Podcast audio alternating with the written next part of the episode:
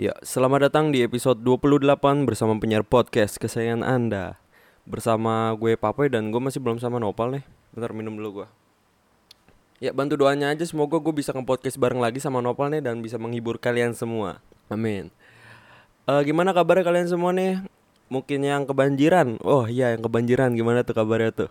Semoga aja cepet surut ya Tadi gue baru keluar dan masih ada aja perumahan yang jalanannya masih tergenang banjir.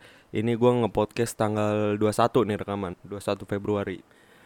Semoga yang kebanjiran cepat surut ya Dan semoga aja ini adalah peristiwa banjir terakhir Dan semoga tidak ada peristiwa peristiwa yang tidak diinginkan lainnya. Dan setahu gue itu banjirnya Eh hujannya itu cuma sebentar ya Tapi kok bisa banjir ya Aduh tolonglah Pak Rahmat Effendi. Asik. Aspirasi. Terus buat kalian gimana nih yang lagi kawinan Yang lagi nikahan Lagi nikahan? Wih banyak banget nih yang nikahan. Valentine Februari lagi bulan Valentine. Ya Gue juga sering sih dapat undangan kawinan Hajatan wedding Hajatan wedding. Papoy di tempat gitu tulisannya. Terus gue gue gak mau lah tulisannya papoy di tempat gitu. Gue mau papoy di screenshot gitu. Cuma ya buat apa gue komplain? Begitu doang pokoknya buat kalian yang hajatan yang datang ke acara event tetap patuhi protokol kesehatannya lah. Selalu mencuci masker menggunakan tangan. Anjing tadi gue ngomong apa? Selalu mencuci tangan dengan masker. Anjing tadi gue ngomong apaan barusan ya? Ya terus buat kalian yang jagain apotek wih gua kemarin malam tuh sempet gue sempet mendapatkan pelayanan yang ah gitu. Gua kan beli ini ya ke apotek gue beli obat tuh apotek di deket alun-alun Bekasi apotek K2 eh nggak usah disebut ya mereknya. Di apotek yang warna hijau pokoknya. Eh gue masuk kan gue buka pintu. Kak eh halo kak ada natrium diklofenak gak lupa gue nama obatnya pokoknya itulah kira-kira. Terus katanya nggak ada gitu oh ya udah makasih kak. Gue bilang kayak gitu. Dan dia nggak jawab sama-sama sama-sama nggak ada begitunya. Padahal gue ya gue nggak meminta dia untuk ngomong kayak gitu juga ya untuk ngomong sama-sama. Tapi ya pelayanannya cukup terasa gitu hanya karena dia nggak ngomong eh iya sama-sama gitu. Jadi cukup terasa. Dan gue langsung ke kimia farma tuh karena di situ kan obatnya gue nggak nemu tuh. Pas lagi gue udah nyampe kimia farma gue buka pintu aja udah disapa gitu gimana buka baju gue ya buka baju. Nggak gue buka pintu aja udah disapa kayak halo selamat datang di kimia farma ada yang bisa dibantu? Boh di situ.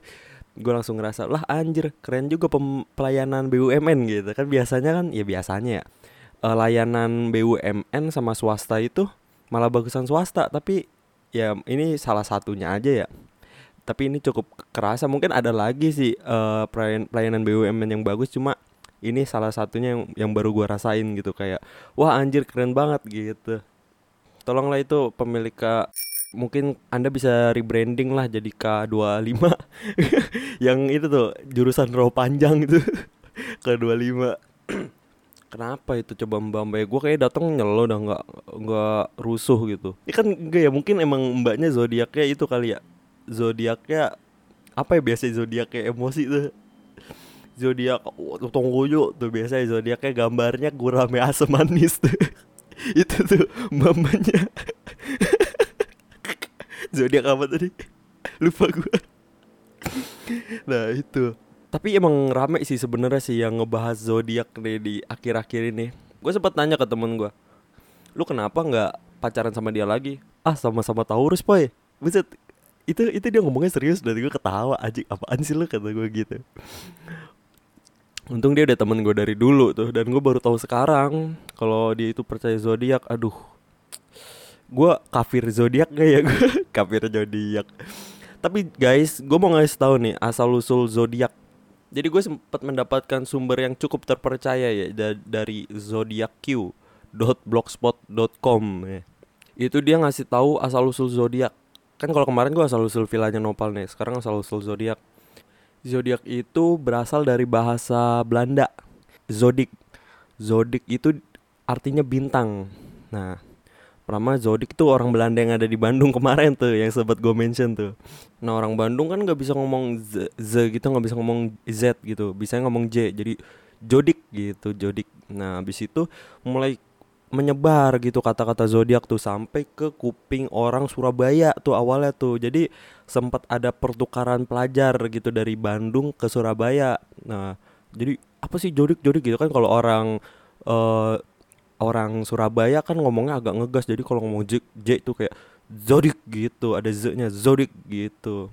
Nah habis itu menyebar lagi tuh semenjak muncul gadget gadget. Nah baru tuh itu menyebar ke pulau Sumatera tuh. Kan ketemu orang Padang tuh. Orang Padang nggak dengar kata zodik ah di sini mah gak ada zodik zodiak gitu. Kan kalau kucing kuciang gitu.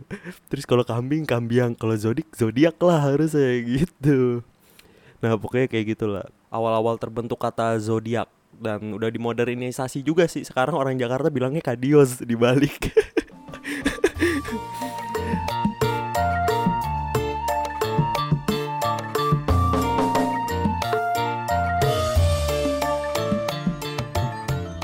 episode 28 wis. Kemarin episode 27 sempet rame juga sih. Gue gak expect gitu kata gue Lah anjir kok yang denger banyak banget gitu. Melunjak tajam gitu. Cukup tajam menurut gue ininya Nungkiknya. Apa sih sebutannya ya? Meningkat dengan cukup tajam.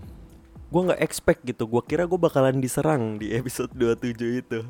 Ketika gue lagi ngedit itu gue sempet diserang sama Toke. Gue diserang sama toke. Soalnya ketika gue edit tuh emang horror banget sih. Eh uh, kan gue sempat bahas cerita tentang horror tuh ya di episode itu.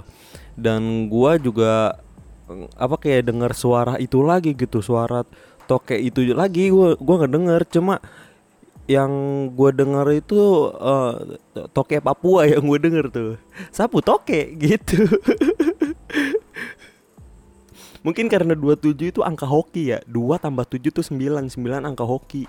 Dan 27 juga perkalian 9 Jadi ya kemarin cukup hoki Tapi semoga aja ke depannya ya hoki juga sih. Tapi dibalik angka 27 itu hu Hujud What Akna dibalik Enggak enggak. Dibalik angka 27 itu sebenarnya ada kisah seramnya sih. Umur 27 itu adalah umur di mana orang orang terkenal itu pada meninggal.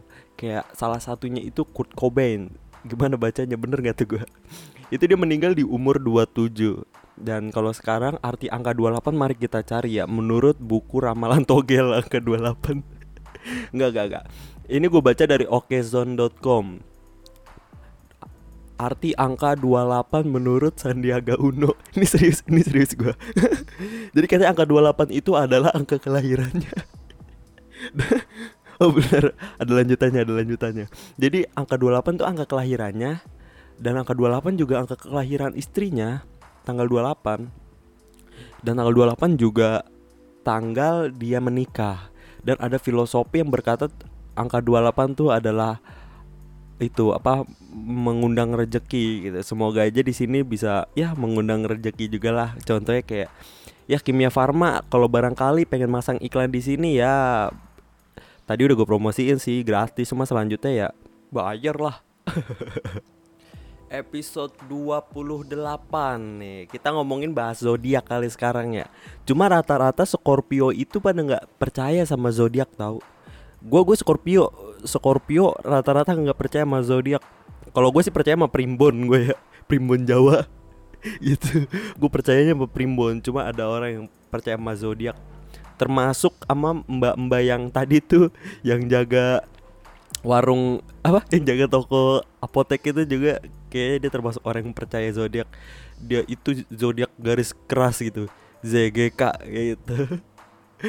Anyway guys ngomongin zodiak. Gue punya temen yang lahirnya tanggal 29 Februari dan dia tuh jarang buat ulang tahun. Di tahun ini dia itu nggak ulang tahun karena di tahun ini Februari hanya sampai tanggal 28 Februari gitu. Kasian banget sih gitu. Dia jarang buat hadiah ulang tahun gitu dan sekalinya dapet ya seharusnya besar sih hadiahnya gitu kayak apa yang besar tuh oh, pagar rumahnya Sule tuh pagar rumahnya Sule gitu hadiahnya. Kamu karena jarang ulang tahun nih misalnya disurprisein gitu kan biasanya disurprise surprisein sama ceweknya gitu sama teman sekelas. Dikasih pagar rumah Sule. Enggak enggak.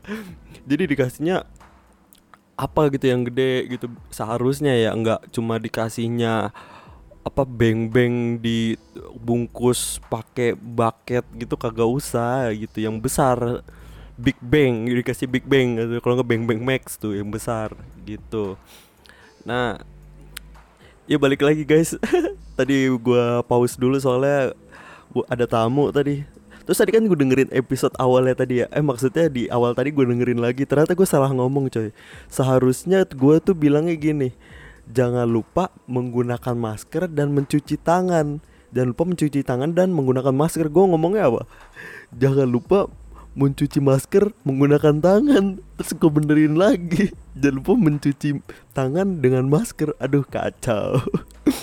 Anyway guys, temen gue yang umurnya eh yang umurnya yang ulang tahunnya tanggal 29 Februari. Ya. Ingat kan gue, ya lah gue play ulang tadi dari awal. temen gue yang um, yang ulang tahunnya 29 Februari itu karena dia jarang ulang tahun ya. Dia juga ja, mempunyai zodiak yang jarang juga gitu. Nama zodiaknya tuh Skaguga itu tuh. Itu zodiaknya ditemunya di Spanyol. Logonya jempol kejepit resleting eh, enggak jempol kejepit kitchen set nah itu lambangnya dan ya namanya juga kejepit kan harus sabar gitu ya. Emang dia orangnya penyabar banget. Penyabar banget kan pertama ya jelas dia jarang ulang tahun. Nah yang kedua sabarnya karena kejepit kitchen set. Bukan bukan bukan.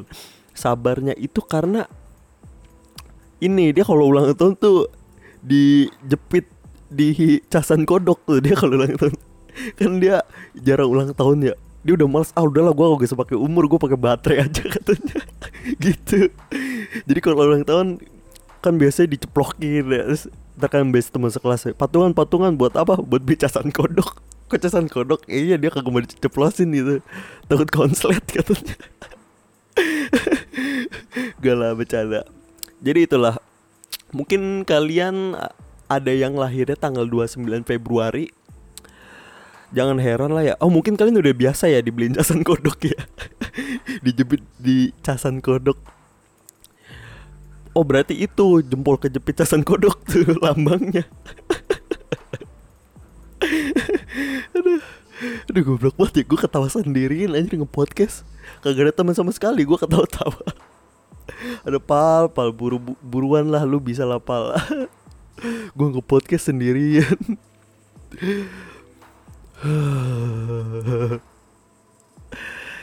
kalian di sini ada yang percaya sama zodiak gak? Kalau gue sih nggak percaya ya. Balik lagi tuh tadi, aduh melesetnya jauh banget ya. Scorpio adalah uh, zodiak yang percaya sama zodiak kan ya. Percayanya sama primbon. nah jadi gue mengkafirkan zodiak tuh gue mengkafirkan orang Belanda tadi tuh yang nemuin jodik itu tadi yang gue jelasin di awal kayak apaan sih lo gitu. Lagian ramalannya kan ya isinya kan uh, general gitu. Si ini orangnya pemarah. Menurut gue nggak semuanya nggak semua uh, misalnya Scorp jangan Scorpio lo Scorpio nggak percaya zodiak. Misalnya zodiak yang di awal tadi tuh zodiak Mbak Apotek tuh kan orangnya sensi. Bisa aja ada orang yang uh, zodiaknya kayak Mbak Mbak Apotek itu cuma nggak sensian gitu. Tapi kalau menurut gua guys zodiak kan sifatnya general ya jadi ibaratnya Scorpio jangan Scorpio uh, Aries itu misalnya orangnya pemarah bisa aja Taurus sifatnya pemarah gitu loh ngerti nggak maksud gue itu sifatnya general gitu dan misalnya uh, apa ya Aquarius orangnya pendiam Nah di sini gue pengen ngejelasin bahwa uh, gue yakin lu semua pada setuju bahwa orang tua adalah guru pertama. Oke, okay? setuju kan? Nah menurut gue uh, sifatnya seseorang itu ditentukan dari orang tuanya kalau menurut gue. Karena apa ya balik lagi orang tua adalah guru pertama gitu ya. Misalnya uh, Aries orangnya pendiam gitu, enggak juga menurut gue. Ada teman gue yang Aries uh, ekstrovert, ada teman gue yang Aries itu introvert. Dan menurut gue ini ada dua faktor yang membuat orang itu jadi ekstrovert ataupun introvert. Pertama itu ada faktor orang tua, kedua faktor lingkungan. Namun menurut gue emang faktor orang tua bener nomor satu. Lingkungan itu ibaratnya challenge-nya Dan orang tua itu mengajarkan gimana caranya untuk menanggapi gitu. Misalnya gue dididik dari kecil menjadi seseorang yang ekstrovert gitu. Gue misalnya orang tua gue nggak ngajarin cara gue menanggapi seseorang apa lingkungan gue yang toksik gitu. Bisa jadi gue jadi introvert. Misalnya gue pakaiannya selalu bergaya barat ke barat-baratan gitu. Kan bisa aja dicemooh sama lingkungan sekitar gitu ya. Misalnya wah poy gaya lu barat banget gitu. Nah kalau gue nggak diajarin cara menanggapi oleh orang tua itu gue bakalan ah besok gue gayanya agak kampung ah gitu. Malah jadi introvertnya dimulai tuh di situ tuh. Sedangkan kalau gue emang dididik uh, menjadi ekstrovert gue misalnya dibilang uh, poy gaya lu barat banget. Iya nih gue gitu. Dibikin asik menurut gue gimana cara kita menanggapi gitu.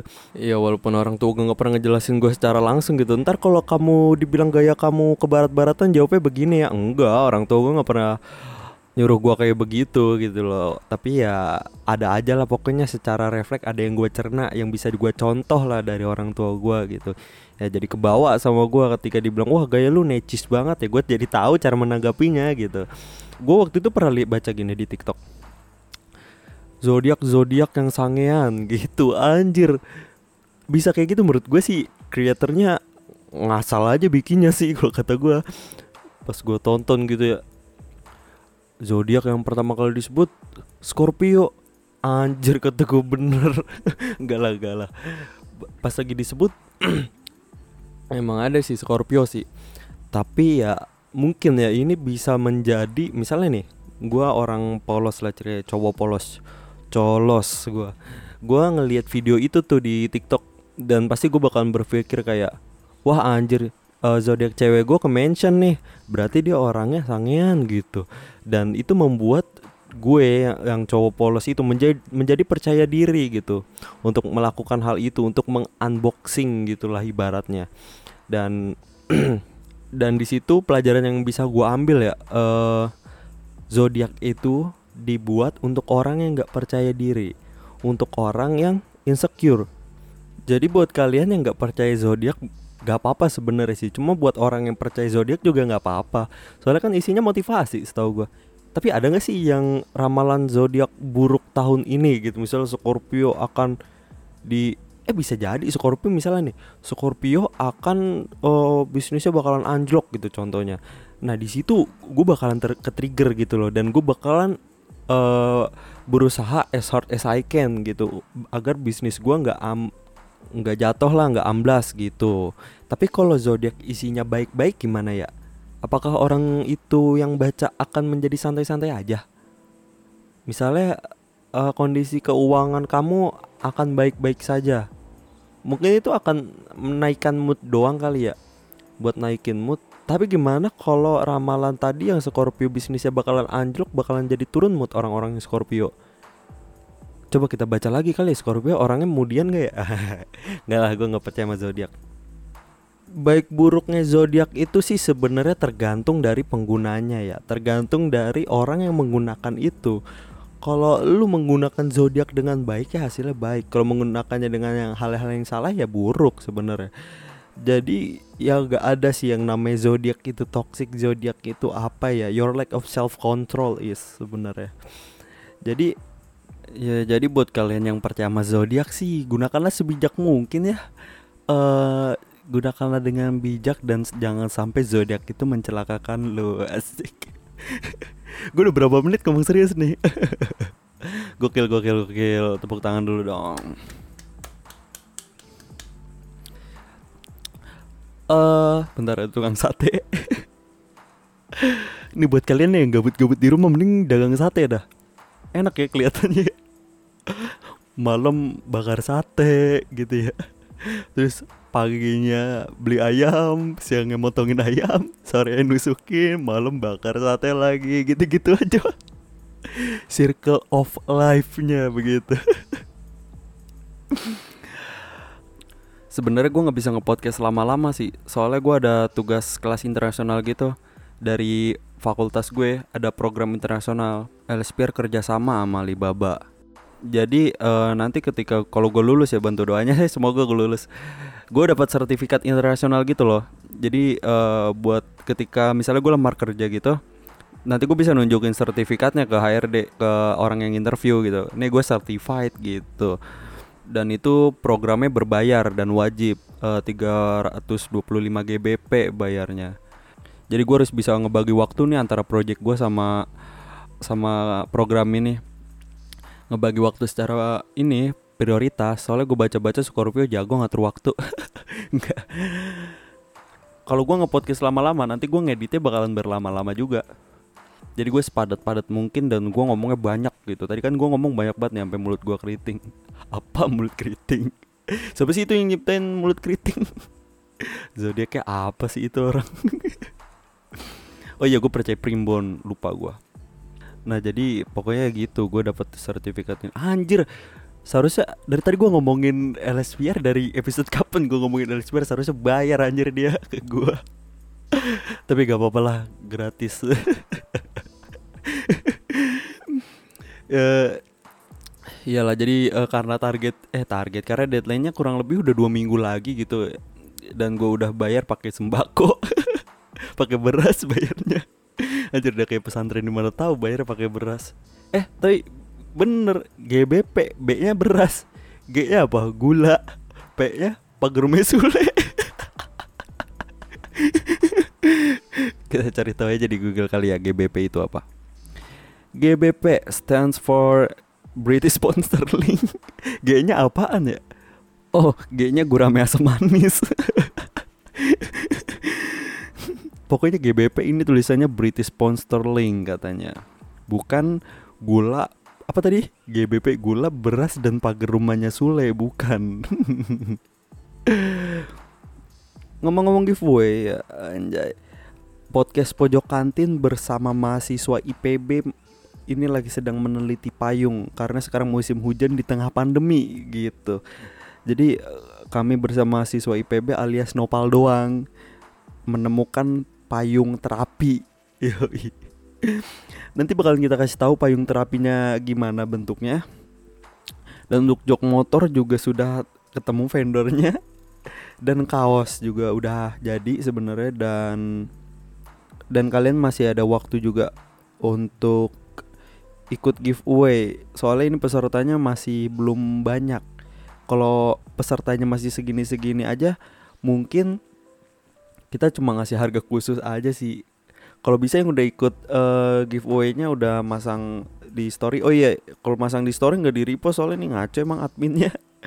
Emang jarang nge-repost kita sih adminnya nggak pernah nge-repost. Paling kalau udah dijawab aja kalau udah di read lah kalau udah di view sama podcast pojok kantin tandanya nama anda udah terdaftar gitu jadi buat kalian yang udah ikut uh, giveaway coba ajak teman kalian buat nge-repost episode anniversary ke Instastory biar uh, cepet kita mulai giveaway-nya biar cepet dibagikan lah gitu. Soalnya uh, ada makanan juga nih keburu basi makanannya. gitu ya. Pokoknya uh, jangan lupa guys uh, di pandemi ini selalu uh, mentaati protokol kesehatan gitu ya di new normal ini yang pertama itu ya ya pasti kalian tau lah jangan pakai topi sombrero, jangan main klarinet, jangan makan keju kecuali yang kotak. ya jangan lupa follow Instagram kita di @podcastpojokantin dan TikToknya juga @podcastpojokantin dan Instagram pribadi gue @papoiwe dan Nopal NFL Irawan. Sekian dari gue uh, satu kata, dua kata, tiga kata buat kalian Ardito Pramono Gemini.